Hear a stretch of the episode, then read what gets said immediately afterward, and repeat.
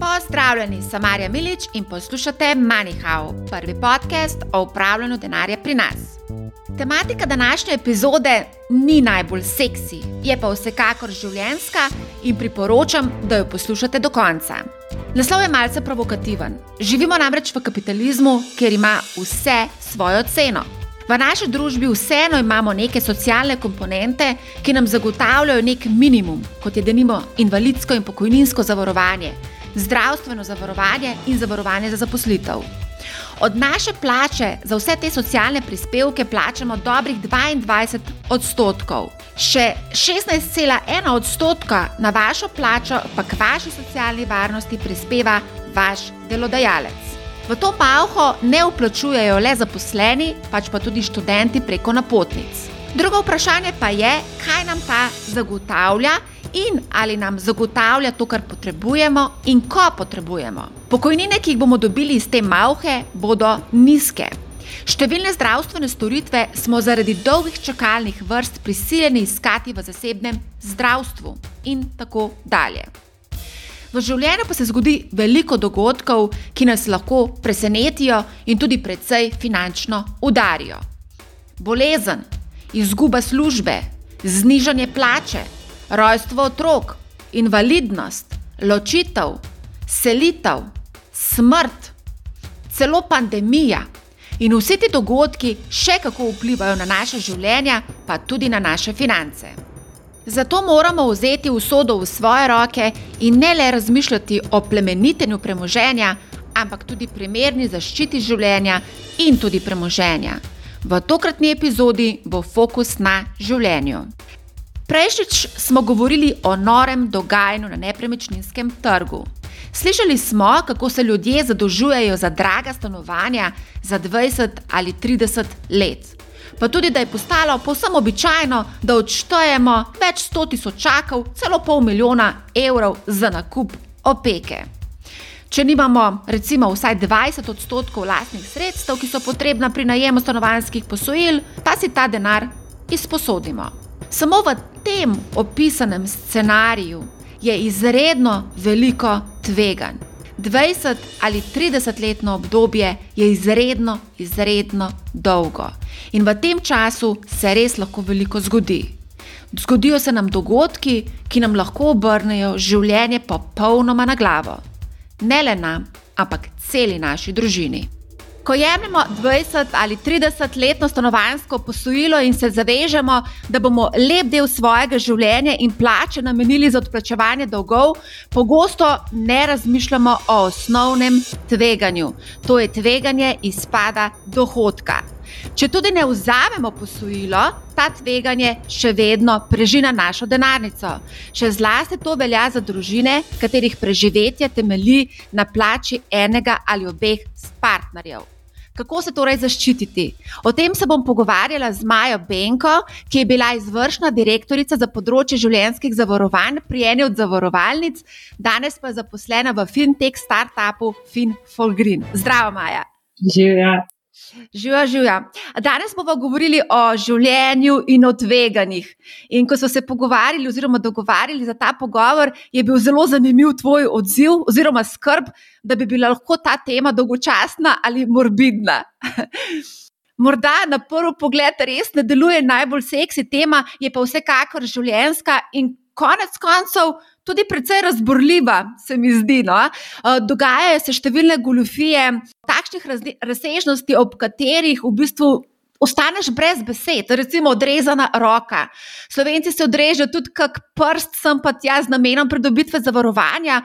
V Hollywoodu se snemajo tudi filmi, kjer ima glavno vlogo pogosto zavarovanje za primer smrti. Pač partnerje zavaruješ za par milijonov dolarjev, potem pa čist nenadoma tudi ta partner umre. Tudi pri nas bi verjetno lahko posneli kak film o goljufijah. Lani smo lahko spremljali sodni vele proces, ker je bila 30-terica obtožena goljufije prikazovanja fiktivnih škodnih dogodkov pri avtomobilskem zavarovanju. Torej, zavarovalništvo pod črto je lahko zelo razburljivo. Pa sploh še drobnega tiska nismo omenili, pa zvezdnikov z bizarnimi zavarovanji. Se strinjaš? Ja, absolutno.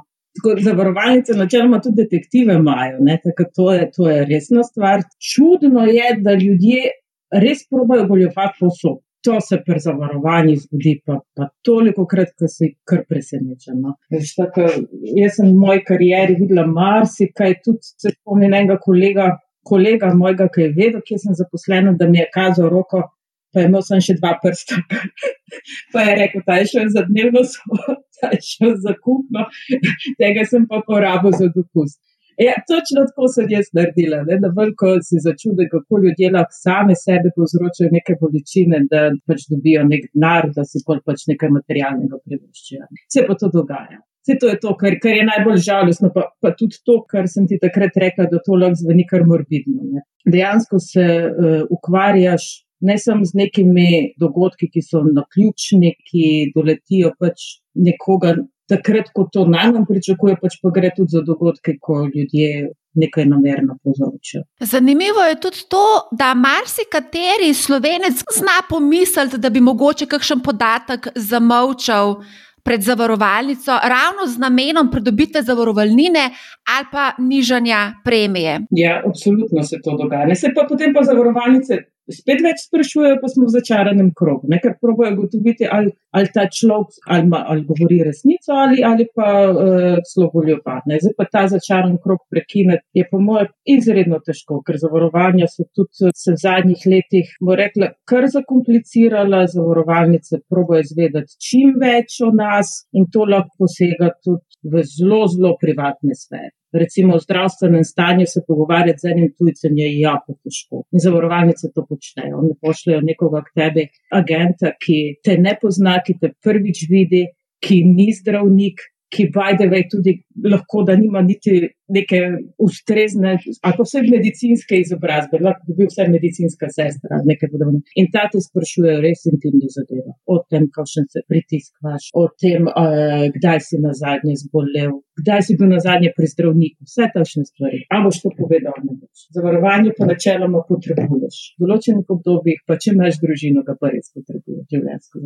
Marsikater zavarovalni agent, ko pride k tebi in ti želi prodati neko zavarovanje, sprašuje, sprašuje tudi o dohodku, in marsikdo ima tukaj zadržek, v bistvu povedati, kakšna je njegova dejansko plača. Ja, relevantno je zdravstveno stanje, pa tvoj dohodek. Nekaj pri življenjskih zavarovanjih, pri ocenjevanju tvojih bodočih izgub, zavarovano svoto določiš na podlagi tega, da, da ugotoviš, kolikšne so lahko bodoče izgube za tvojo družino. Ne, se ti sam ne rabiš življenjskega zavarovanja, rabi ga tvoja družina oziroma tisti, ki ostanejo za tabo. In ti ocenjuješ, kaj se bi tvoja družina lahko izgubila, če tebe ne bi bilo. In tu je tvoj prihodek, tvoja plača absolutno pomembna. Zdaj to nekomu razkrivati. Ne vem, jaz se tudi z moje prve službe spomnim, ko me je še šef nadrl, kaj razkrivam plače na okrog tega enostavno nočeš narediti. To je tudi tvoja intimna stvar. Je pa pri teh stvarih zelo pomembno, da to sama razmisliš. Ne razkri drugemu, če ni treba, razmisli pa si preračunaj. Se ni tako težko pomnožiti tistih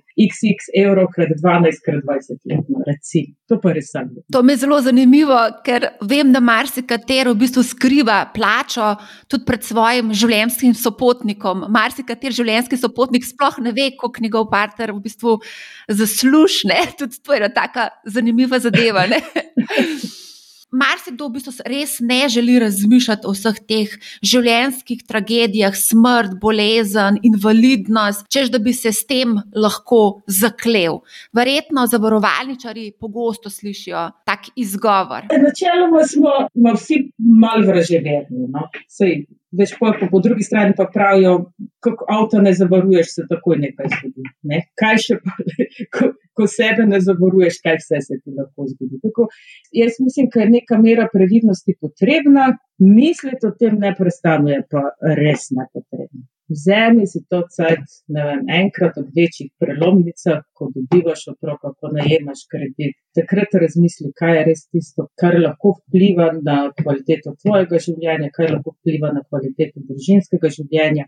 Takrat preračuna in takrat se si pač privošči neko varnost, preko, jaz bi rekla, preko življenjskega zavarovanja, absolutno, tudi s kakšnim dodatkom za neke druge uh, nevarnosti, ne zgolj smrtne. Tebi pa uh, dvignejo kvaliteto življenja po neki nezgodi, bolezni, karkoli ne. ne pa o tem dejansko premišljati vsako leto. To pa res ne treba. Že zdaj smo bili tako preobremenjeni s temi pandemičnimi, statističnimi podatki o tem, koliko ljudi je umrlo.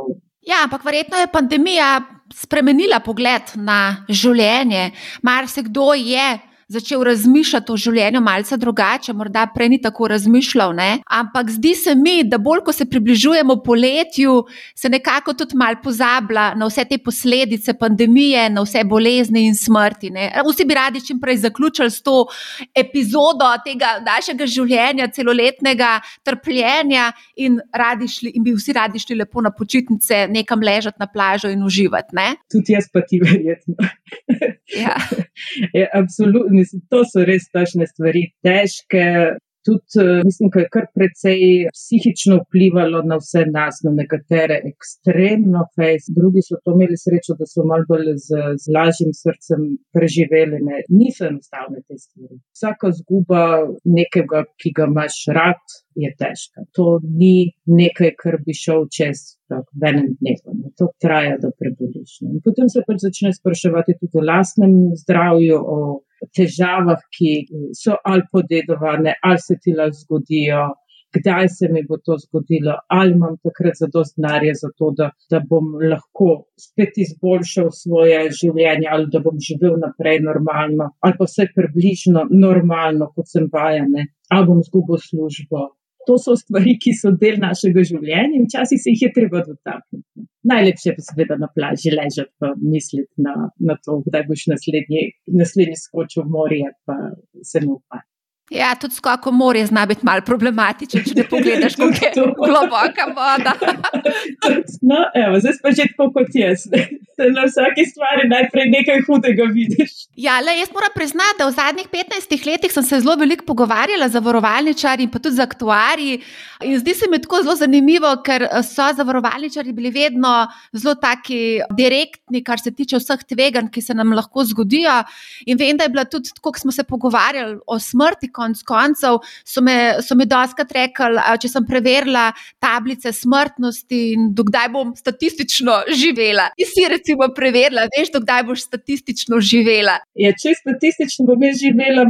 Mal čez 80, v resnici pa mal čez 120, sem rekla. No, na podlagi tega namreč zavarovalnice tudi določajo premije in v bistvu celotne produkte v bistvu zastavijo v bistvu ravno na podlagi statistike. Tako je. Ja. Se bom vrnila nekaj nazaj, kaj sploh je, kako sploh do zavarovanja prideš. Ti pri zavarovanju moraš ogromno ljudi vrčiti v eno skupino. Da potem dobiš neko pravilo obnašanja. In zato je tu le statistika pomembna. Skratka, ni pomemben nek dogodek, ki, je, ki se zgodi v nekem momentu, uh, nekemu posamezniku, pač pa kaj se dogaja s celotno skupino. Vedno gledaš neko povprečje, pa neko, neko ogromno količino ljudi ali pa dogodkov. In zato se tveganja, ki nastajajo znotraj te skupine, nekako probojajo vrednotiti z nekimi statističnimi podatki. Nekaj, kar se je zgodilo nekoč na veliki količini podatkov, se potem predvideva, da bo tudi v prihodnje približno. Tako da ja, umrljivost je pa. Ničkem posebna, ker na koncu koncev vsak med nami bo enkrat doživel to zadevo. Tu je pa pomemben tale časovni eh, horizont. V nekem obdobju, ali bo nekdo umrl ali ne. In seveda potem pridemo do tega, dokdaj pa lahko zavarovalnica sploh nekoga zavaruje. Ne? Nekoga, ki je star sto let, sigurno ne bo.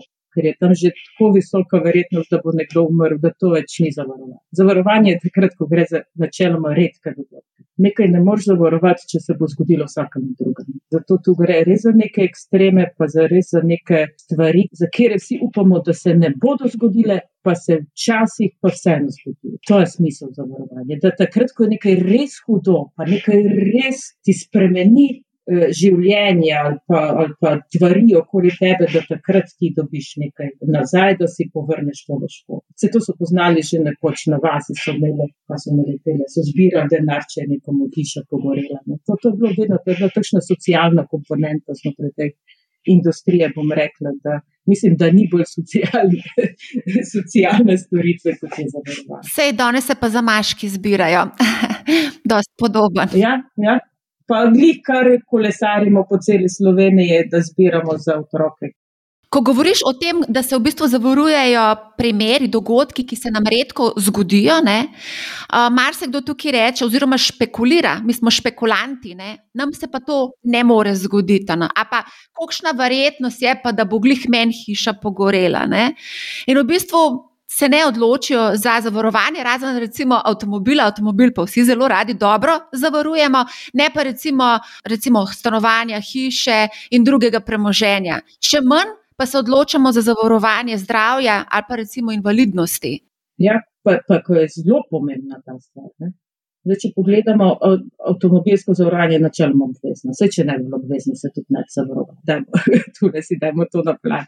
Obvezno je tudi pokojninsko in invalidsko zavarovanje za vse zaposlene. Tam neko osnovno varstvo obstaja, je pa zelo, zelo omejen. Pa tudi odvisno od tega, kako dolgo smo zaposleni, kakšen tip invalidnosti je nastopil, ali smo to prve kategorije, druge kategorije ali tretje kategorije invalid. In dogodki niso pa tako redki. Spet ni tako zelo redko, da nekdo postane invalid. Redke je, da postane invalid zaradi nezgode, zaradi bolezni, je pa tega kar. Tako da to so pomembna zavarovanja in tole je predvsem pomembno, pri, jaz bi rekla, da pri mlajših ljudeh, ki še ne delajo za to zdolgo, da bi dobili vse tisto majhno, bom rekla, celo majhno po invalidsko pokojnino, ker ne dobijo niti nič. Nekdo, ki je zaposlen en mesec, pa se pelje vem, na izlet in se zaleti in je invalid, ne bo države dobil praktično nič, ker še ni bil zaposlen za to sedaj. Ne je lahko komodki invalid prve kategorije, pa mu nič ne pomaga. Tu obstajajo neke uh, rešitve na zavarovalnem trgu, predvsem je v Sloveniji tradicionalno zavarovanje nezgodne invalidnosti, bistveno manj pa invalidnosti zaradi bolezni, ki je tudi bistveno dražje, ker zaradi bolezni smo hitreje invalid kot pa zaradi nezgod, ki jih manj. Ja, mogoče, če lahko tukaj dodam en primer, konkreten, imam enega kolega, ki je postal tetraplegik že pri, mislim, da 23 letih in zato, da si je prilagodil življenje na pač življenje invalida, je potreboval več kot 100 tisoč evrov, s tem, da pač ta oseba nikoli več v življenju ne bo mogla delati, eh, s tem, ko postaneš invalid, ne moreš potem kar uh, ustvarjati prihodke, oziroma s težavo, in uh, nekako je pa treba življenje vsem financirati. Tukaj so potem še drugi stroški, ena stroški oskrbe, stroški nakupovanja različnih pripomočkov, in to je never ending zgodba. Je pa res, da tudi samega zavarovanja pogosto ravno te mladi nimajo urejenega, kot si rekla. Ne? Ja, ja najredkeje, najredkeje se zavarujejo prav mladi ljudje, ker pravijo, to se meni nikoli ne bo zgodilo. In se ponavadi se res ne, vse pa, včasih pa gre. Lahko pa se tudi zavarujejo, ampak se pa v bistvu za bistveno prenisko zavarovalno vsoto. Se pravi, rečeš si, ok, nekaj malga bom plačal, glih tok, da bom nekaj malga dobo, ampak polkrat se ti, če se ti slučajno to zgodi, so pa stroški res neverjetno visoki. Ne? Tako je, tako je. Teh 100 tisoč je res eh, še mali znesek, bi jaz rekla. Invalidnost, trajna invalidnost, res eh, ti popolnoma spremeni življenje. Vse ljudje živijo naprej, se navadijo, se prilagodijo, sem stane pa bistveno več. Sploh zato tudi, ker nimaš niti možnosti, da bi dosegal tolikšne prihodke, kot jih sicer, ne, če nimaš teh težav. Ne. Dotaknile se bomo tudi te invalidnosti zaradi bolezni. Mogoče lahko tukaj kakšen primer daš, kdaj, kdaj nas lahko bolezen pripelje do invalidnosti? Recimo možganska kap, to ni nezgodno pa ne umreš zaradi nje, ostaneš živ, pri možganski kapi ponovadi polovica uh, telesa ne funkcionira v redu in živiš naslednjih 20-30 let. Prilagoditi pa moraš vse okrog sebe. Statistično gledano, kdo je bolj podvržen, recimo, možganski kapi, če zdaj omenjaš? Ja, vse bolezni so starejši bolj podvrženi. To, to je standardno pravilo. Pri mladih vseeno, vseeno je telo še toliko močno, da, da določene stvari premaga na lažji način. So pa te dogodke eh, sicer redki, se, eh, se pa zgodijo. Ne. Recimo, tako pogovarjali smo se nekoč o tem eh, raku. Tudi rak pri mlajših ni tako pogost kot potem v srednjih letih, pa pozneje. Se pa zgodi. Ljudje umirajo pred 20 leti zaradi raka, ali pa še prej, tudi otroci. te stvari niso nekako za pozabiti. Ne. Tudi, kakorkoli nam povejo, eh, nam krije zdravstveni sistem praktično vse, če zboliš za rakom. Ja, pa čisto vse pa spet ne. Točno te prilagoditve okolja, točno te iskanje nekih alternativnih eh, zdravljen, eh, bioloških zdravil. Poznam kolege, ki so šli se v Ameriko zdraviti, ker pri nas ni bilo ustreznega zdravila za, za njihov tip raka. Ne kdo bo to plačal. In Slovenije, kolikor se jaz spomnim teh uh, zavarovanih sod, ima ni enega, ki bi imel zadostne zavarovanje sod za, za takšne primere.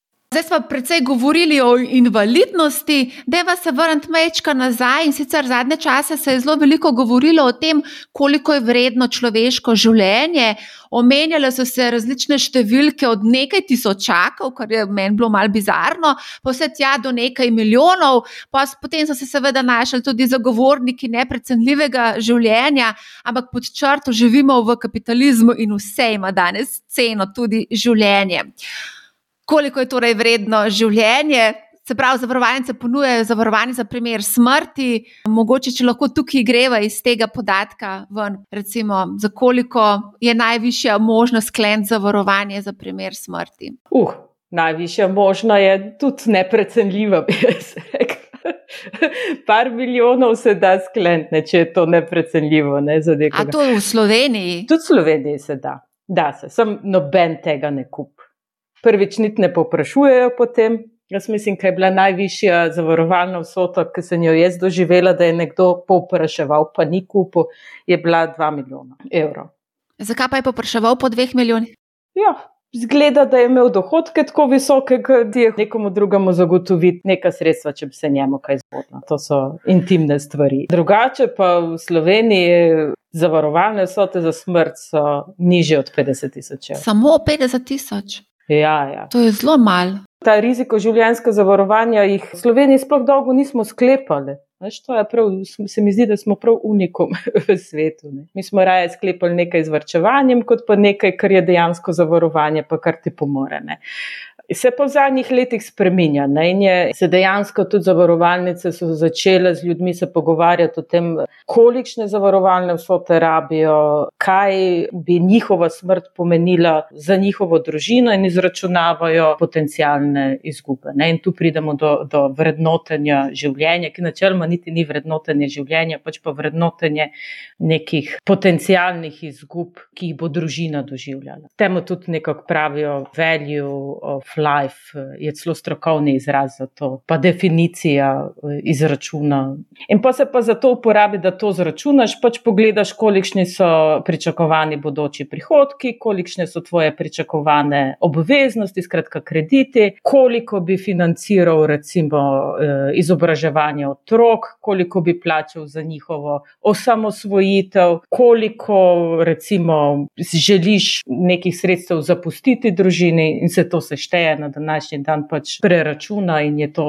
tista zavarovalna vsota, ki jo ti rabiš v tem trenutku. Je pa tule eh, kar ena posplošitev, da ko to enkrat zračunaš, pa praviš, da bom pa naslednjih 20 let rabo tole zavarovalno vsoto, to sploh ni res. Ne. Otroci odrastejo, kredite odplačaš, ne vem, ločiš se konec koncev, ne. hišo prodaš, pa greš na Havaje živeti, pa, pa ne rabiš več zavarovanja. In je vsekakor treba vsakih nekaj let mičkem pa preračunati, recimo na 5-10 let si pa preračunaj, ali sem še v takšni situaciji, kot sem bil takrat po prilagodi zavarovanja. Kar ne pomeni, da prekineš trenutnega, pomeni, da ga preoblikuješ ali pa prvega na pet let skleneš, če je to bolj ugodno. Pa eh, kako zadnje leto zavarovalnice tole nekako vseeno nekako vzamejo v zakup, je pa tako, da se ponujajo zavarovanja z neko padajočo zavarovalno vsoto ali pa z neko prilagojeno glede na to, kakšne naj bi bile tvoje potrebe v prihodnosti. Ne, skratka, Imeti 200 tisoč zavarovalne vsote pri 60 letih je neumnost. Ne? Pri 30 letih je pa prav. Pri 60 letih raje imamo kup denarja privrčevanega, pa si privoščimo neke dopuste, ne pa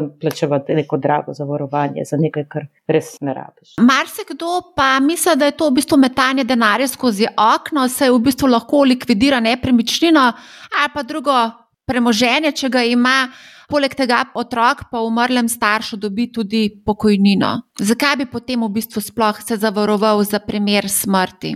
Lej, imeli smo pred kratkim, ne vem, če je bilo 3-4 mesece nazaj, pa še manj en primer dvojčkov, ki sta izgubila oba starša pred kratkim. Živela sta z babico v eni hiši, ki je, ki je nista bila sposobna vzdrževati. Imela sta sicer pokojnino po starših, tudi babica neko malo pokojnino, ampak ti otroci so imeli hipotekarni kredit na glave, ki so ga starši pač zapustili, krediti grejo dedičem. Ti otroci so hoteli študirati, pa niso mogli študirati, ker niso imeli denarja. Ti otroci bi morali hišo vzdrževati, pa je niso zmogli, ker spet ni bilo denarja. Skratka, bili so spet enem začaranem krogu. Pa se je zbiral denar za te otroke, zbralo se je, bo rekla, hvala Bogu, kar precej tega, tako da se je kredit odplačen, zdaj lahko si tudi ta mala dva, se niso več tako mala, sta so 17-18 let stari ljudje. Ne si lahko privoščite študij.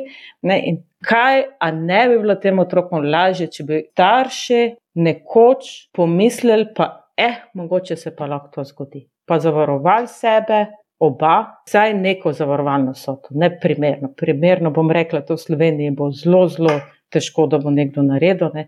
Je res treba pomisliti na druge. Kakorkoli smo, smo v kapitalizmu, pa, pa smo malo egoisti, pa gledaš na sebe, pa se grebeš za to, kar bo tebe dobro. Sem, ko imaš pa družino, je pa to druga stvar. Sploh, če so otroci. Ne kaj bo z njimi, če, če mene ne bo. Ne, ne samo, da ne bo deležen neke, neke topline, pa nekega vodenja, pa neke pomoči, ne. finančno ga lahko tako zdelaš, da, da bo imel za nič več. Tako da jaz absolutno ne mislim, da je to metanje denarja na stran. Ja, jaz sem tudi to zgodbo opazila in moram priznati, da me je kar mal prizadela. No. Sem pa v preteklosti že spoznala tudi kakšnega mladega človeka, ki je bil dogrla zadolžen na račun svojih staršev, ampak to je ta odgovornost staršev starša, da poskrbi za otroka, tudi potem, ko starš umre. Zdaj, a lahko likvidiraš nepremičnino? Ja, lahko jo prodaš, ne? lahko, jo, lahko si v situaciji, da jo moraš zelo hitro prodati. Kar pomeni, da lahko tudi izgubiš kar precej denarja, ne, po drugi strani se mora pa pač tvoja družina tudi seliti iz doma, ki ga pozna praktično celo življenje, zaradi tega, ker pač uh, ti je bilo škoda, recimo, poskrbeti za ja, ustrezno ja, uh, zavarovanje. Ne. Ta zgodba teh dveh dvojčkov je bila ravno vezana na posojilo, ki ga je vzel oče.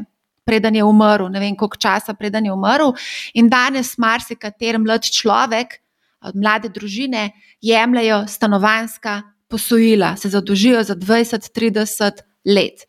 Banke danes ponujajo tudi življenjska zavarovanja in nekako sveščajo vse te mlade starše in uh, posilojemalce, da je treba skleniti tudi življenjsko zavarovanje. Lahko mogoče kaj več o tem poveva, kakšna so ta zavarovanja, na kaj moramo biti sploh pozorni, ko nam na banki poskušajo usiliti še eno tako zavarovanje, poleg že dragega kredita. Ja, mislim, moment je pravi. Ne?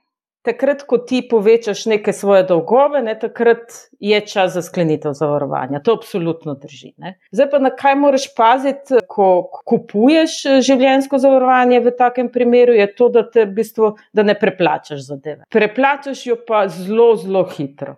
Ne, ker tam si v eni situaciji, ko te v bistvu pod nos ponudijo, ti nimaš časa niti razmisliti o tem, nimaš niti časa pogledati okrog, kakšna je ponudba pri nekih drugih ponudnikih, hkrati pa ti še zelo pogosto povejo, da ja, boš imel mičkano obrestno mero nižjo, ne? zato pa bo cenejši kredit. Ne? Tisti cenejši kredit je ponavadi bistveno manj cenejši, kot pa polstane življensko zavarovanje, ki bi ga vzel nekje drugje, za neko malo bolj zmerno ceno, prilagojeno temu, kako bo tvoj kredit padal, ali pa mogoče prilagojeno celo temu, da že ti neko zavarovanje nekje imaš, ali pa da imaš neko premoženje, s katerim lahko delno tale kredit se odplača in podobno. Tako da zelo previdno pri tem, rajšemu bančnemu službencu povete, da te jaz bom malo razmislil, pač pa primerjo, pa če je res tole zavarovanje toliko boljše, ga kupim, če ne pa se to zavarovanje se da posod kupiti. Zavarovalnice v Sloveniji je zdaj pa že, že toliko, pa ponudba je tako pestra, da, da marsikaj vredno že dobiš. Ja, ampak pogosto banke dejansko poskušajo nekako vsem prepričati, da vzameš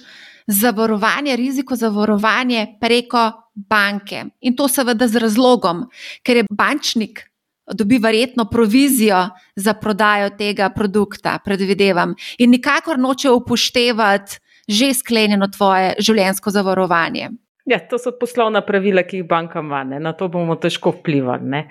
Če ti dejansko sklepaš tole zato, da eh, zmanjšuješ tveganja pri kreditu, pol je čist nepomembno, eh, kje je to zavarovanje sklenjeno. Pomembno je, da je se pač tole zaveže zavarovanec, da bo pač zavarovanje namenjeno poplačilu kredita in pol se to pač izvedene. Da pa se to pogojuje z sklepanjem pri točno določeni zavarovalnici, je pa, je pa sporna praksa. Čeprav to banke sicer uradno pravijo, da to ne počnejo. Ampak neuradno mi pa viri pravijo, da se ravno to dogaja. Zdaj je taka panika na trgu nepremičnin, ponudbe je malo, popraševanja je ogromno, veliki pritiski so na banke tudi za posojila, po drugi strani pa poskuša banka potem še nekaj več prodati. Ne? Pa, ja, pa ponavadi so tudi tale zavarovanja na banki, kar niso poceni, no bom rekla. Okay, gremo še mečkano ostati pri življenskem zavarovanju.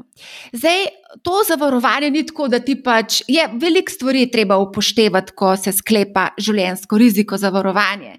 Premija je zelo odvisna od tega, kakšen življenjski slog imamo. A smo kadilci, kako zdravi smo, kaj počnemo, kaj ne počnemo. Vem, da v tujini upoštevajo nekatere zavarovalnice, recimo, če se ukvarjamo z jogo ali meditiramo, in to nam v bistvu znižuje premijo. Kaj pa pri nas? Ja, tudi pri nas se gleda, kakšen lifestyle imaš. Nekoč smo premijo računali ločeno za moške, pa za ženske, pa smo imeli tole unisex direktivo, ki je tole vse skupaj ven kup dala, ne? in pa smo se sekirali za varovalničari, kaj pa zdaj, ko bodo ženske plačevale preveč, moški premalo, bo vse nekje tam na sredini, noben ne bo zadovoljen. Ne? In eh, takrat so se tudi pri nas uvedle tako imenovane preferred koncept. Eh, izračunavanja premij. Skratka, pogleda se, kdaj nekdo, bom tako malo bolj tehnična, kdaj je neko življenje primerno za to, da dobi nižjo ceno, in kdaj je to življenje obremenjeno z višjimi tveganji, da dobi višjo premijo. Tako, to, to je ta preferred life koncept. Ne, in pa se pogleda, ali je. Skratka, ti moraš res po domače povedano živeti idealno, ne kaditi, ne piti, ne mal športati, ne biti predebel, ne se z hudimi, uh, nevarnimi kakšnimi športi ukvarjati, ne biti v rizičnem poklicu, da dobiš pa tisto ceno, ki je neko standardizirano za neke preferred life uh, življenjske stile. Vse, kar je pa naprej, je pa pol, uh, ali gledamo to kot pribitek na ceno ali pa kontra zniževanje za boljši lifestyle. Pomeni pa to, da so pač zavarovalnice tveganja, ki jim je nekdo izpostavljen v življenju, ovrednotile. Pa ni to tako na pamet spet narejeno, tu so statistike res kar velike, to ni tudi samo na slovenski populaciji delano, to je delano na evropski, tudi svetovni populaciji, kako določeni eh, rizični faktor vpliva na to, ali boš ti zbolel, ali boš ti umrl. Skratka, če nekdo dobi višjo ceno, primerjalno z nekim drugim pri zavarovalnici, bo to dejansko pomenilo, da je neka logika matematična je zadaj. Ne? ne gledaš konkurence, ne pri konkurenčni zavarovalnici boš mogoče čez drugo ceno dobiti.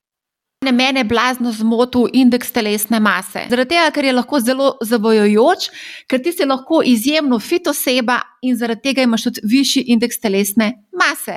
Ampak kaj to pomeni za zavarovalnico, da si ti debel, ko bojo videli tisti indeks telesne mase in ti bojo potem višjo premijo dali ali kako? Ali gre potem v posebno obravnavo, če se prtožaš nad višino? Mislim, da čeloma se da z zavarovalnico marsikaj zmeniti. Če ti dejansko veš, da nisi pretežek zaradi eh, tega, ker si res rad zelo dobro ješ, pa preveč ješ, pa, pa se ne gibaš, ne, potem ima smisel to zavarovalnici povedati. Vprašanje je, kako bodo odreagirale. Določene popustijo na rekovajih, določene bodo pa ustrajale pri tistih svojih faktorjih. Ne. Je pa, tako kot smo se že prej pogovarjali, gre za povprečenje. Povprečju je dejansko res, da tisti, ki imajo višji BMI indeks, ne, umirajo prej, zbolijo prej. In tisti, ki imajo preniskega tudi. To so ali res predebeli ali pa res presuhi. Nek, potem je pa nek vzrok zadaj, zakaj se to dogaja. Ali gre tu za neke sladkorne bolezni, ali gre za vem, neke druge vzroke, zakaj je nekdo debel po domače povedano. In, In je težko ugotoviti od daleč, ne? tako da splača se povedati. Noč nismo povedali o ceni. Višja recimo je zavarovalna vsota, recimo 200, 300, 400, 500 tisoč evrov, draže je seveda tudi zavarovanje. Ja, to je nekako logično. Ne? Ponavadi je ena enota določena cena, ok, nekaj je fiksnega dela. Drugače pa ja, več ko kupiš, več plačaš. Ja. Pa mogoče se splača tudi omen to, da preko skleneš zavarovanje, je cenejše in za daljše obdobje skleneš je cenejše ali ne. Spet odvisno od zavarovanja, pa od tega, kakšno dejansko je zavarovanje. No? oziroma kolikšne so zavarovalne vsote v posameznem obdobju. Prej, ko skleneš, seveda, zavarovanje cenejše, zato ker je tveganje takrat za nastanek nekih bolezni ali pa smrti bistveno manjše kot pozneje, ko si starejši. Ne? To je splošno pravilo. Ne? Zdaj pa, ali je to, da ti skleneš danes za 30 ali pa za 40 let res smiselno, to je pa drugo vprašanje. Načeloma ti plačeš danes za takrat, ko boš star 50 let. Ne, reci si star 20 let, pa plače za takrat, ko boš 50 let. Star. Ja, kava, če te ne bo več takrat, ko si 50 let. Star. Že takšno, se ena enostavni preračun ti pove, da mogoče pa res plačaš preveč. Ne.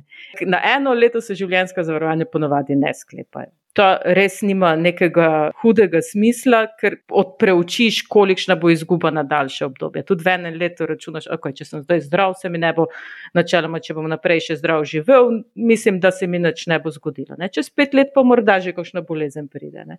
V Sloveniji je praksa, da se življenjska zavarovanja sklepajo na deset let, najmanj med 10 do 30 let. 10 let je predvsem zaradi davčne obravnave, ker deset, če skleneš zavarovanje na 10 let, je avtomatično cenejše za tistih 8,5%, kolikor je davek od uh, zavarovalnih prometa od zavarovalnih poslov. In to je praksa. Ni pa to nujno, lahko tudi za krajšo dobo skleneš. Če plačeš za daljšo dobo, pomeni, da bo tudi tvoj strošek znotraj zavarovanja nekoliko višji. Sploh, če boš ti zavarovanje prej prekinil, pol si ga pa absolutno preplačal. Tako da tu nek, nek, nek smiselni razmislek, razmislek o tem, za katero obdobje se zavarovanje sklepa, je to, kdaj so tisti dogodki, oziroma kakšno je moje okolje, kakšna je moja družina da bi lahko bila neka izguba, da bi neka izguba za njo pomenila toliko in toliko. In za tisto obdobje skleneš, potem pa znova se spet ukvarjaš s tem, ali boš imel neko zavarovanje. Kaj pa je zapaziti, pa takrat boš pa spet šel skozi tako imenovani sprejem zavarovanja. Skratka, če si ti vmes mal zbolel, se zredil, ne, bo takrat lahko cena pa z tega naslova višja. Ne. Če pa ti normalno živel, pa, pa misli normalno živel, pazil na svoje zdravje, se gibal vem, in bil v tistem velikem, velikem poprečju, ko se ti res nič ne zgodi, ne, potem pa te razlike ne bi smelo biti. Kvečemu bi rekla, da je še celo cena lahko nižja ker se pa umrljivost znižuje. In bodo takrat tele podlage, recimo mortalitetne tablice, ki jih uporablja zavarovalnica, lahko pa že bolj ugodne. Na začetku sem omenila Hollywood in v Hollywoodu, sem razni te filme, so pač uh, imaš te zgodbe, ko se sklene neko uh, zavarovanje partnerja za milijonske zneske in potem ti človek uh, nenadoma slučajno umre. A smo imeli kdaj kakšen tak primer pri nas, da bi nekdo v bistvu s tem namenom zavaroval? Ma jaz celo mislim, da, je, da so bili takšni poskusi takšnih čudes. Mislim, vsekakor so ljudje, tisto, kar smo odrezano roko smo omenjali, so se ljudje zavarovali za to, ali pa so jih zavarovali za to, da so jih potem poškodovali, ali pa so se poškodovali in iz tega naslova dobili neke eh, zavarovalne sote. Ne. Da bi pa nekdo dejansko potem ubil nekoga, Jaz konkretnega primera z moje prakse sicer ne poznam. Je tudi standard, da je pa tudi po zakonu, je, da se zavarovalnina ne sme izplačati nekomu upravičencu, ki je namerno povzročil smrt eh, zavarovani osebi. Ne, to je nekako že zakonom izključeno. Če se nekdo to spravlja delati, Mora zelo paziti, da ga ne dobijo, ker tega res, res ne, ne bo dobil tega denarja. No, če, če bo sam mičken dvom, da je to res naredil. Ne. Mogoče ideja, ne tega delati. ne tega delati, ne te dobijo. Kaj pa recimo v primeru samomora? Aha, samomori se pa dogajajo. To pa je, to pa je kar nekaj. Se pravi, da se zavaruješ za čim višji znesek, potem pa narediš samomor. Sploh, če so ljudje eh, zvejo, da so bolni, da so na smrt bolni, takrat je velika želja potem, da, da se zavarujejo in prvič zlažejo v, pri tistih vprašanjih o zdravstvenem stanju. Ne. So bili primeri, ko so pa po tistem zvedajo na smrt bolne, sklene zavarovanja, pa pa še samo mora narediti, da pač eh, ne bi trpel naprej. Ne so bili takšni dogodki. Je pa uh, tudi tule izključitve, izključitve so ponavadi pri življenjski zavarovanji, skratka, ni izplačila uh, nekih zavarovalnih sod, če se samo mor zgodi v prvih nekaj letih. Ne. Pozneje pa je. Ko zavarovalnica ugotavlja, da ni bilo sklenjeno s tem namenom, potem to načeloma ni problem. Se pač je pač neka oblika smrti. Ne. Če pa se ugotavlja, da je bilo sklenjeno z nekim goljofivim namenom eh, zavarovanja, potem so pa penali. Ti si bila 20 let v zavarovalništvu. A si ti že kdaj v svoji praksi imela tak primer, da se, da se je izplačala zavarovalnina na podlagi nekega samomora? Ja. Ja. To je tako povedala, kot je tako redko. Ne, pa če pa Slovenci delamo ful samomore, Le, a nismo mi ta drugi ali ta tretji za Finci pa Mačari. Ni to tako redko. Ja, kakšne so pa potem zavarovalne vsote v teh primerih, če lahko mogoče od do rang poveš? Ponovadi so malo više, če ste namenom greš sklepati. No. Takrat, takrat to res je pomembno. Jaz se spomnim pred leti, ne, ko sem tako malo brskala za temi zavarovalnimi policami, me je malo zanimalo, kaj slovenci sklepamo. Ne. In sem našla kar nekaj primerov, ko je v bistvu partnerka sklenila za svojega pač partnerja življensko zavarovanje, celo brez vednosti njegove. Ne. To se pa ne sme. To se ne sme, ampak se dogaja. No, ne sme se, ne, ne veljavno je takšno zavarovanje, če, če ti ne veš, da je nekdo za te skleno zavarovanje, oziroma da te je zavaroval. Tu se pa dejansko mora to oba strinjati. Tisti, ki plačuje, oziroma sklene zavarovanje, pa tisti, ki je zavarovana oseba. Načeloma, takrat se tudi premije ne vrnejo, ne, če nekdo tako. No, ta oseba je bil podjetnik in je imel kar nekaj sklenjenih zavarovanj, in pač še ena premija več, očitno ni, ni, ni, ni opazil. Ni pogrunto. ni opazil. jaz ne razumem tega, zakaj bi to delal. Ne vem, zakaj, če se ne, ne dogovoriš, če se ne pomeniš, to pa res ne razumem. Yeah. Ja. No. Do, želiš dobro biti uh, zavarovan za primer, če slučajno partner umre. pa pa malo čudno kuhaš, pa gre. Ja, lej, se veš, da ti taki primeri se dogajajo čudno kuhanje. Um, a greva naprej. Prej si omenila, kako pred leti so zavarovalnice bo, bolj prodajale naložbena eh, življenjska zavarovanja in manj riziko življenjska zavarovanja. Jaz imam odgovor na to vprašanje, oziroma na tvojo trditev. In sicer zavarovalnice so nekako pušale naložbena življenjska zavarovanja. V bistvu sama življenjska zavarovanja niso za dost seksi, dodala se je komponenta naložba, takrat, ko so bile v Sloveniji blazno, blazno popularne popularne te naložbene življenjske zavarovanja, smo imeli tudi rekorde na borzah. Deva še večkrat pokomentirati naložbena življenjska zavarovanja, kdaj to sklepati, kdaj ne sklepati. Najprej so bila mešana življenjska zavarovanja v Sloveniji, riziko zavarovanja sploh ni bilo. Pol so pa nastale najprej pokojninska zavarovanja, pa so šele nastala naložbena življenjska zavarovanja. tako dolgo sem že v tem pohobljeno, da no, sem vse te doživela. Zdaj, tako je. Ne? Naložbena življenjska zavarovanja so, mislim, jaz sem magistrirala z naložbenimi življenjskimi zavarovanji, tako da so, jih imam načeloma rada. Ne? Če so prav narejena, bom zelo previdna. No? Če so prav narejena, ti lahko pravilno skombinirajo nek tvoj odnos do vrčevanja, pa ta, tole varnostno komponento, ki se ti nekako poklopita tako, da takrat, ko ti rabiš riziko zavarovanje, ga imaš velikega, ko pa rabiš privrčevana sredstva, jih pa v enem istem inštrumentu dobiš. Ne.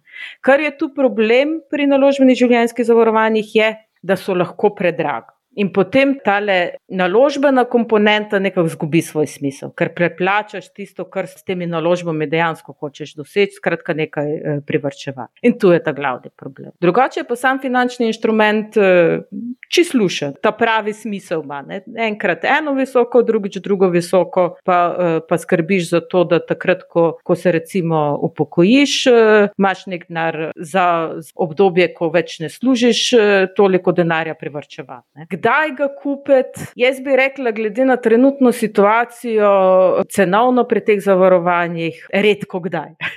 Le, zelo lepo si to povedala. Jaz jih sicer kar nekaj imam. Ne? Jaz imam še iz tistih starih cajtov, tudi tale e, naložbene zavarovanja, ko so bila mogoče mičkeno cenejša, pa ko si lahko prišel do neke naložbe skozi ta zavarovanja, ki je sebovala neko garancijo pri naložbi, skratka, neko, da ne pade pod neko eh, minimalno vrednost in ki je druge nisi, nisi mogel dobiti. Pa zraven neka zavarovalna komponenta, ki ti pa krije res tiste izpade oziroma neke, neke hujše dogodke. Pa kar je bilo takrat še lušno z tega vidika, je, da smo na ta zavarovanje lahko dodajali neke druge rizike, neka druga zavarovanja. Recimo zavarovanje invalidnosti ali pa brezposelnosti. Na ta način, da se je v primeru tvoje brezposelnosti, da ti je zavarovalnica plačevala premijo, recimo. ali pa v primeru invalidnosti, da ti je plačevala premijo plačila v recimo tvojo izbrano naložbo. To so te dodatni benefiti, ki jih prek zavarovanja lahko v neko vrčevanje pripelješ, ki ga preko vzajemnih skladov ali pa preko direktnega nalaganja v neko delnico ne moreš. Pa dedovanje, dedovanje, urejenost dedovanja pri zavarovanjih, pa drugih finančnih inštrumentov je pa, pa tudi bistveno drugače. Ja, kakšno pa je konkretno v primeru naložbenih? Ni nujno realizirati naložbe. Ti imaš zelo možnost znotraj zavarovanja, pa evo, to je tudi spet neko dodatno zavarovanje, da določiš, če imaš recimo dva zavarovana. Ta ta je najlepši primer. Zavaruješ sebe, pa določiš kot naslednjega zavarovanega svojo ženo. Če se tebi kaj zgodi, da pač nadaljuje s to naložbo. Ne? Kar pomeni, da ne realiziraš tistih dobičkov, ne plačaš davka in ona, recimo, če takrat glih padla ta naložba, počaka tistih par mesecev ali pa leto ali dve, da se nazaj nekako eh, naložbo pomore. Ne? To so takšni lušni inštrumenti, kjer lahko ti vplivaš mal na to, optimiziraš recimo svoje vrčevanje. Je pa spet druga stvar koliko si za to plačal. Jaz mislim, da sem že večkrat tako javno povedala, da sem zelo proti kombiniranju raznih produktov, sploh pa zavarovanja in pa naložbe. Tako da tukaj sem bila zelo jasna. Tudi takrat, ko sem v bistvu pisala te članke, noben bo iz zavarovalnic to ni bilo prav veliko, prav, preveč všeč. Ne? Takrat so bila zavarovanja naložbena zelo vroča in seveda takrat smo v bistvu razkrili, da ravno ta stroškovni del ni bil jasno definiran in ti nisi vedel, kaj plačuješ dejansko. Nisi vedel, koliko denarja gre za zavarovanje in koliko denarja gre za naložbo. Ena velika, velika zmešnjava je bila. Ja, mislim, sej, zadeve so kar dolgo časa že precej razkrite. Ne? Veš, je sicer težko primerjati med sabo, zato ker imaš zadaj različne sklade, različne type naložb, različne zavarovalne vsote. Pa je pa zakonodaja prinesla kar nekaj pomembnih razkritij, so pa kar zakomplicirana ta razkritja. Zelo težko je iz tega kaj razbrati. Ne? Se pa vidi, recimo, pri nekih projekcijah z ničelno obrestno mero, kolikšno naj bi, naj bi bili ti, ti stroški, ki so kalkulirani. Je pa treba tudi, tudi vedeti, da so ti stroški prikazani za naslednje, recimo, 30-letno obdobje. Ne. To ponavadi ljudje res sklepajo na, na, na dolgo obdobje. Včasih to res tako daleč zgleda, kar hudo. Se pa, ne vem, s primerno neko kombinacijo, pa, pa jaz ne bi rekla, da to ne paše skrbne. Vsak ima lahko svoje mnenje, ne veš, to smo medve ne, pa nekajkrat že prej debatirali o teh uh, naložbenih zavarovanjih. Ne vem, je odvisno je tudi od naložbe. Jaz se spomnim, ko smo imeli odlične, odlične upravljalce teh skladov zadaj. Vsak naj pogleda, naj si preuči te stvari, nar metati v neko skledo, kar tako, to mislim, da noben več ne dela. Ne. Takrat, leta 2006, 2007, 2008, takrat se je pa res marsikaj dogajalo. No, pa se zdaj se tudi, ne. zdaj se kriptovalute tudi včasih mečejo enormni denari, spet so ljudje kredite imali s to, ko so nekaj šli, pa je bil pa naslednji dan pa manj vreden. Ne bomo dozoreli. Ne. Ja, se tudi naložbena življenjska zavarovanja, bruta obračunana premija je kar precej upadla in upada vsa zadnja leta, tako da zanimanje za to vrstni produkt je drastično upadlo. Je pa zanimivo, zanimivo. Nedavno mi je neka znanka povedala, da je zavarovalni agent ponovno v bistvu nekako usiljeval to, ta produkt, da je bolj, da se sklene naložbeno življenjsko zavarovanje, kot pa direktno, da se sklene preko DZU-ja, družbe za upravljanje. No, jaz ne bi trdila, da je to res boljšno. Je pa smiselno pogledati. Vedno lahko dobiš kalkulacijo od enega, pa od drugega kakšno zavarovanje, riziko, spadajoče zavarovano vsoto prišteješ k tistemu, kar bi sicer dalagal v sklad, pa dobiš neko primerjavo. Pa se pa odločaš, glede na to, ali ima res neke potencijalne dodatne benefite, kot je tista razna zavarovanja, priključena za brezposelnosti ali pa invalidnosti, ne, ki pol pomenijo nek dodatni, za moje pojme pomenijo nek dodatni eh, added value na naložbo. Zdaj, veliko krat uporabljajo agenti kot nek argument za prodajo davčni vidik. Se pravi, po desetih letih si oproščen plačila eh, davka na kapitalski dobiček, če recimo realiziraš. Eh, oziroma, prodaš uh, zavarovanje, oziroma naložbeno zavarovanje, si oproščen plačila, plačila davka. Ja, davek je tisti, ki ponavadi najbolj udari neko, neko vrčevanje ne, ali pa neko naložbo. Ne. Načeloma je tule izvirni greh v tem, da, da je zavarovalna pogodba drugačen tip pogodbe. In naložbena, tudi to po obligacijskem zakoniku, ne, obrav, naložbena zavarovanja se obravnavajo kot zavarovalna pogodba. Ne. In iz tega sledi marsikaj, kar, kar načeloma ne bi smelo biti res, če bi zadevo obravnaval kot kombinacijo neke resno zunanje naložbe in pa zavarovanja.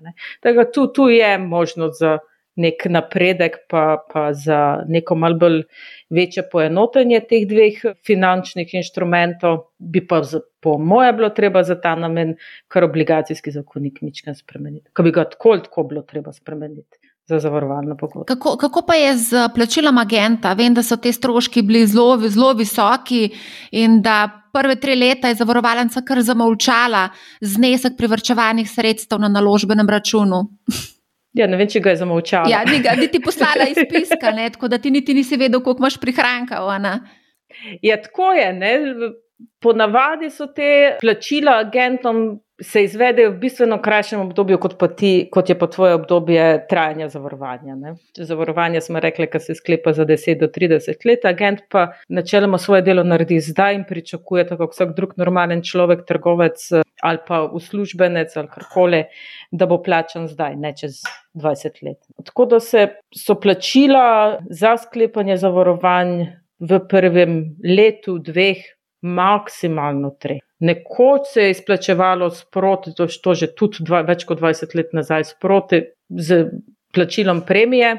Pa mislim, da se je v zadnjih letih spet obudila ta ideja, da bi, da bi vseeno podaljšali način izplačila provizij agentom, pa nisem prepričana, da se je kam daleč prišlo. Ne. Je pa drugače, pa če gledaš pa celotno bodočo premijo, pa to, kar dobi agent, niti ni tako zelo dost. Ne. Problem je, da včasih tole ali pa zelo pogosto tole trajanje zavarovanja ni tako dolgo, kot je človek to najprej eh, predvidel, da bo. Ne. Ponavadi je po nekaj letih zavarovanje prekinjeno, kar veliki primer. Zakaj pa je prekinjeno? Kaj so glavni argumenti?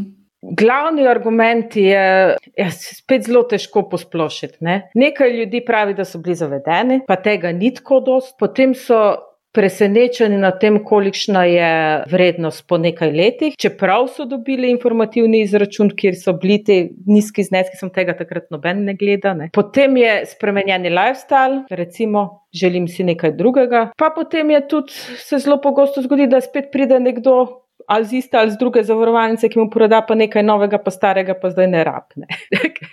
Marsi kaj se tu zgodi. Až je pa res, če se za nekaj odločiš, za neko, če podpišeš finančno pogodbo za 30 let, da boš plačeval nekaj, daj to razmisli najprej. Razmisli, ali boš 30 let res plačeval, ali boš to res uporabljal in če se nekaj zavežeš, se probaj tega držati. Ja, te, te police so se dostakrat prodajale uh, z grožnjo kaj vse se ti lahko zgodi in kakšne drame se lahko zgodijo, in gor in dol. In v bistvu, ja, agenti so pogosto tudi zavajali, ker konec koncev agent je plačen od provizije, on mora živeti od nečesa ne? in njegov cilj je, da čim več proda. Ja, je, je imaš motive točne in drugačne. Seveda je agent, to je njegov osnovni posel, ne? tako kot ti je posel tistega, ki ne vem, nalaga tvoj denar, da pridobi čim več iz tega njegov posel, da proda zavarovanje. S tem, kar pa vseeno zavajanje. Pa prodajanje nečesa, kar nekdo ne potrebuje, to pa res ni primerno. Sej, mi smo se kar precej trudili takrat, da bi takšne slabe prakse preprečevali, v vseh primerih, sigurno ne gre. Vedno so neka gnila jajca. No. Ne bi pa rekla, da so pa vsi tam. Ne, vsi niso, ampak mečejo slabo luč, definitivno ravno taki in tudi zaradi tega v bistvu zgublja nekako vrednost ali pa veljavo ta poklic. Ne. Za naložbe moramo še malce povedati, kakšne so naložbe v sklopu naložbenih življenjskih zavarovanj. Se pravi, govorimo o skladih, o zajemnih, ki jih upravljajo naši DZU-ji. Pa opazila sem, da tudi kar nekateri nekaj produktov, ker se ponujajo pač ETF-i, različni ETF-i. Ja, ja, ja. ponavadi gre za nekaj, kar je na trgu dosegljivega, kjer zavarovalnica z nekim dogovorom z tem upravljalcem ali pa ponudnikom vzajemni skladu ali kakorkoli dogovori, da bodo njihova zavarovanja vsebovala to naložbo. Nek pravi, nekoč se je tudi to delalo, da so prav za zavarovalnice določeni providerji naredili posebne naložbe, skratka preučili trenutne razmere, predlagali neke naložbene politike in se je potem to dodalo v naložbene zavarovanje. Ni pa to več praksa. Tudi par let nazaj se je nek podzakonski akt sprejel v Sloveniji da, da ne moreš več vezati naložbe na recimo ceno paradajza na tržnici, ne? kar bi načeloma lahko rekel, kaj je indeks eh, linked insurance. Ne?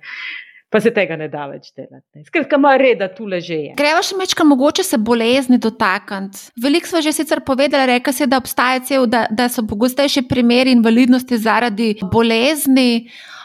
Zdaj imamo kar nekaj bolezni sodobnega časa, od raka, diabetesa, um, verjetno še kakšna bolezen, o kateri mogoče spoh uh, nismo še spoh govorili. Stres. Stres, ja, stres povzroča cel kupnenih zadev, na katere v bistvu človek niti ne pomisli. Ne? In kaj zdaj narediti? Ne? Zavarovanje kakovostnega na trgu za hude bolezni. Mislim, jaz, ko sem gledala na zadnje, nisem našla neke problazno kakovostne ponudbe.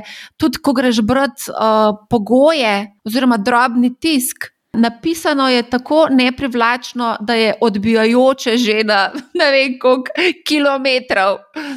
Ja, to je res, da je to, to težko razumeti. To ponavadi zdravniki pomagajo pisati te eh, pogoje. Je pa tako, kot smo se prej pogovarjali, tu gre res za hude bolezni. To ne more biti seksi, to ne more biti privlačno, to so ekstremni primeri, to je tisto, kar se ti nikoli ne zgodi, pa se ti vseeno zgodi. Ne? In takrat je treba, treba si življenje prilagoditi. Ne? In zavarovanje teh hudih bolezni, ali kritičnih bolezni, ali težkih bolezni, zavaruje točno takšne primere. Ne? Imaš rake, not, imaš eh, kapi, imaš, eh, mislim, da tudi eh, v Sloveniji že obstaja neko zavarovanje, ki zaradi posledic stresa izplača neke odškodnine. Ne? Jaz pa mislim, da je pa to tisto zavarovanje, ki ga pa res moraš imeti. Ja, moraš ga imeti, ampak upam, da ga lahko skleneš kakovostnega. Ne? Jaz mislim, da so ta zavarovanja kar kakovostna. Ma, je sicer za prebrati, da imaš stopenska izplačila, oziroma da v res tistih ekstremnih primerih hudih bolezni dobiš celotno zavarovalnino izplačano, v blažjih oblikah pa, pa neko nižjo ali polovično, v tistih res eh, zelo pogostih oblikah nekih bolezni. Oziroma, zelo blagih oblikah, pa načeloma zavarovalnine ni. Ne. Maš stopenske zadeve, tudi večkratno izplačilo, recimo, kaj, recimo eno izplačilo, če imaš raka, potem naslednje izplačilo, če si imel kap. Ne.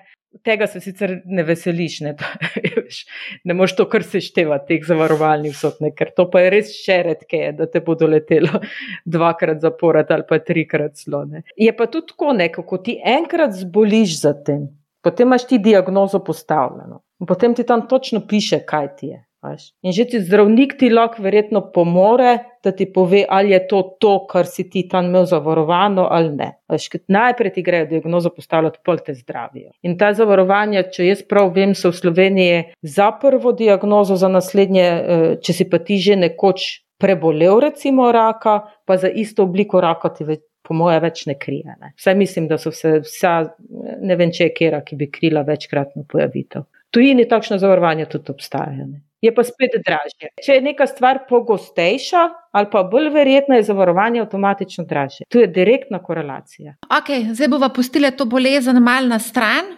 Gremo se dotakniti mogoče še zelo aktualne zadeve, čeprav se število brezposobnosti trenutno, mislim, da zmanjšuje, ampak nekako v prihodnje je pričakovati malo pretresa tudi na trgu dela. Um, recimo en primer, kolegica je pred časom kar nekaj časa nazaj, mislim, da kakšno leto nazaj, začutila, da bo ostalo brez službe, in potem se je dejansko tudi to zgodilo, ampak še prej je pa sklenila uh, zavarovanje za primer brezposelnosti. Predvidevam, da marsikdo tega ne bi naredil, ona je bila pač zaposlena v zavarovalništvu in je pač nekako izkoristila to znanje, ki ga je v vseh teh letih pridobila, da se je v bistvu nekako zaščitila. Kako je v primeru brezposelnosti in s tem zavarovanjem? Ali lahko malo opišuješ, kakš, kaj se zavaruje, kakšno so izplačila, koliko časa dobivaš izplačilo, koliko to stane?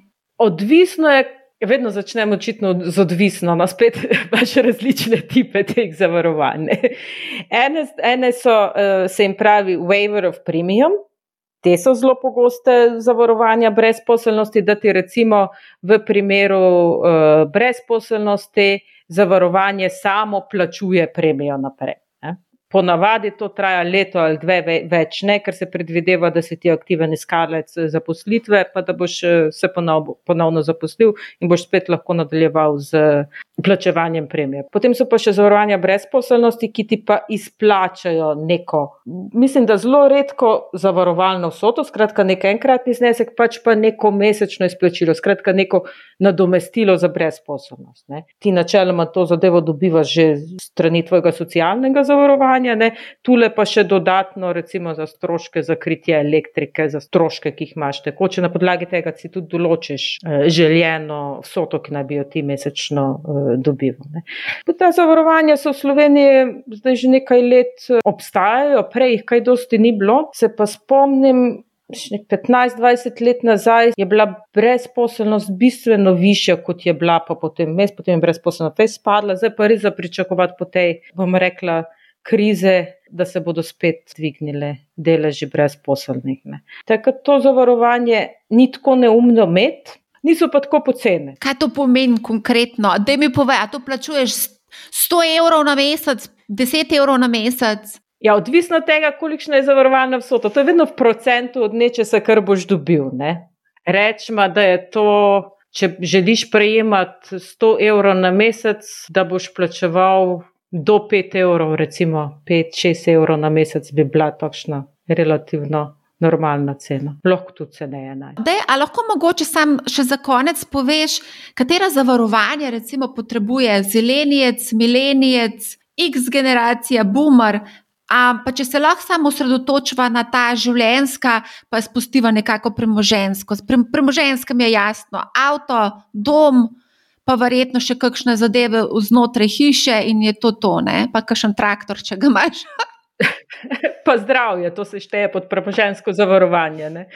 Ja, zdravstveno zavarovanje rabijo te najstarejši, bi jaz rekla. Skratka, ko si res starejši, ko si v penziji, zelo težko dobiš neko kvalitetno zavarovanje, eh, rabiš pa takrat predvsem zdravstveno, pa nezgodno. No. Pričemer so pa te dnevne očkodnine spet tašne, ki jih ne bi nikoli prodajala, ne, so pa zelo popraševane, ne sploh med upokojence, ki res nima izgube dohodka, če je doma po neki poškodbi kostine. Pa je to, recimo, uh, hit poletja vsako leto v Sloveniji.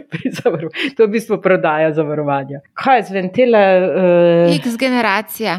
Ja, moja generacija. Ja, mi rabimo predvsem za penzijo šparati. Tega bo premalo. Jaz bi rekel, da je to uh, pokojninsko zavarovanje ali pa nekaj, kar nalagaš, nekaj, kar, da boš imel takrat neke prihodke. Pa zdravstveno zavarovanje. Mene že vse boli. Ja, pa zavarovanje za primer invalidnosti se mi zdi, da je pomembno. Ja, ja, ja, jaz, ja, ja, to, to. Takšne stvari, tudi kakšna um, malce bolj eksotična kritja so primerna, no, mislim, eksotična kritja. Za Slovenijo je eksotično, telekritične bolezne, absolutno. Zdravstveno zavarovanje. Rekla, da je v Sloveniji bistveno premalo razvito, pa bi ga bistveno bolj rabili tudi privatno zdravstveno zavarovanje, ker tako ali tako večinoma iz žepa plačujemo. Potem pa tisti tam mal, mal mlajši, pa smo pri življenjskih zavarovanjih, že pri riziku zavarovanja, kredit otroce, to kliče po nekem višjem kritju za primer smrti. Nezgode, prvnih mogoče malo mlajših, sploh fantje, tam okrog 20, pa nekaj, to je absolutno nezgodno zavarovanje. Zdravstveno zavarovanje tule niso tako zelo, bo rekla, potrebna, pa pomembna, ne, pa tudi. Ta mali pa nezgoda, invalidnost. To. To je to, ja. um, mogoče, da je sam še eno stvar, inšurtek. Lansko leto smo videli vstopno borzo, Lemonade. Se pravi, čeprav zavarovalništvo velja za eno tako zelo konzervativno panogo, ker se vse zelo počasi premika. Enkrat sem bila na enem razgovoru, so me povabili na razgovor za službo v zavarovalništvu. Moram priznati, da mi je začel razlagati, kako se uvajajo spremembe, me, me absolutno ni mikal, da bi šla delati v zavarovalništvu, ker to, da pride od ideje do realizacije, je zelo, zelo dolga pot, pa zelo velik nivojev je, pa marsikater na določenem nivoju ima že mal probleme z egotom. Tako da, mogoče, lahko mogoče poveš, kaj se dogaja zdaj na tem področju. Ti zdaj si v finteku, predvidevam, da tudi spremljaš inšurtek, da veš, kaj dogaja. Ja, ja sem tudi, tudi delam ga enega, no. Mičken moje zgodovine. Jaz, jaz sem zelo dolgo delala v, bo rekla, slovenskih zavarovalniških korporacijah, kjer je res vse zelo počas, pa smo probali te stvari malo pohitriti, smo jih tudi pohitrili, smo delali stvari zadnja leta sploh tako, da me ni sram povedati, kakšne stvari smo vse naredili, ne so sta boljše v, v tudi svetovnem merilu. So pa zavarovalnice dejansko zelo, zelo konzervativne, kar se tiče tega, da se gremo prodajo posvetovanje po spletu. Tule je vseeno ena velika količina ljudi zadaj, ki potencialno lahko izgubijo uh, zaposlitev, ne, to se o agentih pogovarjava. Ne, in vseeno gre za nek odnos tule tudi do zaposlenih. Jaz mislim, da je to kar precej ena izmed osnovnih brems, ki, ki zavarovalnice drži zadaj, pa tudi neki zastareli informacijski sistemi, stari, bo rekla, žnjel let, ki se jih težko prilagodi uh, neki sodobni prodajni ali pa, ali pa svetovalni sferi. Ne. Tako smo naredili tudi v Sloveniji, je, je nekaj takšnih poskusov, tudi sama sem pri GoToInsure, ima namen postati spletna zavarovalnica, ne zgolj slovenska, bolj evropska ali pa še širše, ki si predvsem želi, da bi bila zavarovanja fair pricena, kratka cenejša, ki bi bila prilagodljiva, pa ki bi bila primerna za določene type ljudi. Ne. Skratka, da ne bi nekoga dejansko prisiljevali v nakup, pač pa da bi mu omogočili nakup tistega, kar res rabi. Ne. To je tista velika želja, da nekaj takšnega naredimo. Imamo že case, imamo delujočo zadevo, zadaj deluje tudi nek algoritem, ki ceno prilagaja skupine. Tako da upam, da bo tole uspelo, ne pa da bomo dobili tudi uh, slovensko inšur teh uh, uspešnico, boljšo od Lemonade. Se pravi, zdaj, kaj pa prodaja ta zavarovalnica? Mislim, zaenkrat še ni zavarovalnica, zaenkrat je tole še agencija, trenutno pa prodaja bolj takšna manjša premoženska zavarovanja. Prvo je bilo lansirano marca letos, je pa zavarovanje v bistvu aktivnih ljudi, ki ti zavaruje zraven še tvoj bicikl, pa malo mal mobilnosti zraven. Ta drugo je pa uh, lansirano, ja, zdaj ta teden, je pa travel cancellation, kaj pa spet aktualno za nas, vse popotnike. Cilj je pa, kot se, se rekla, prid v Evropo, narediti uh, življensko zavarovanje, ki bo poceni, ki se bo prilagajalo boljšemu življenskemu slogu, nekako avtomatično, pa ki ne bo od tebe zahtevalo nekih res detaljnih osebnih podatkov, pač pa bo probala oceniti tvoj, uh, tvoj lifestyle na nek drugačen način. A zdaj, ko, ko si omenila travel cancellation, to je absolutno zelo aktualna stvar. Kaj nam svetuješ, a se to splača? Na kaj moramo biti pozorni, ko sklepamo to vrstno zavarovanje?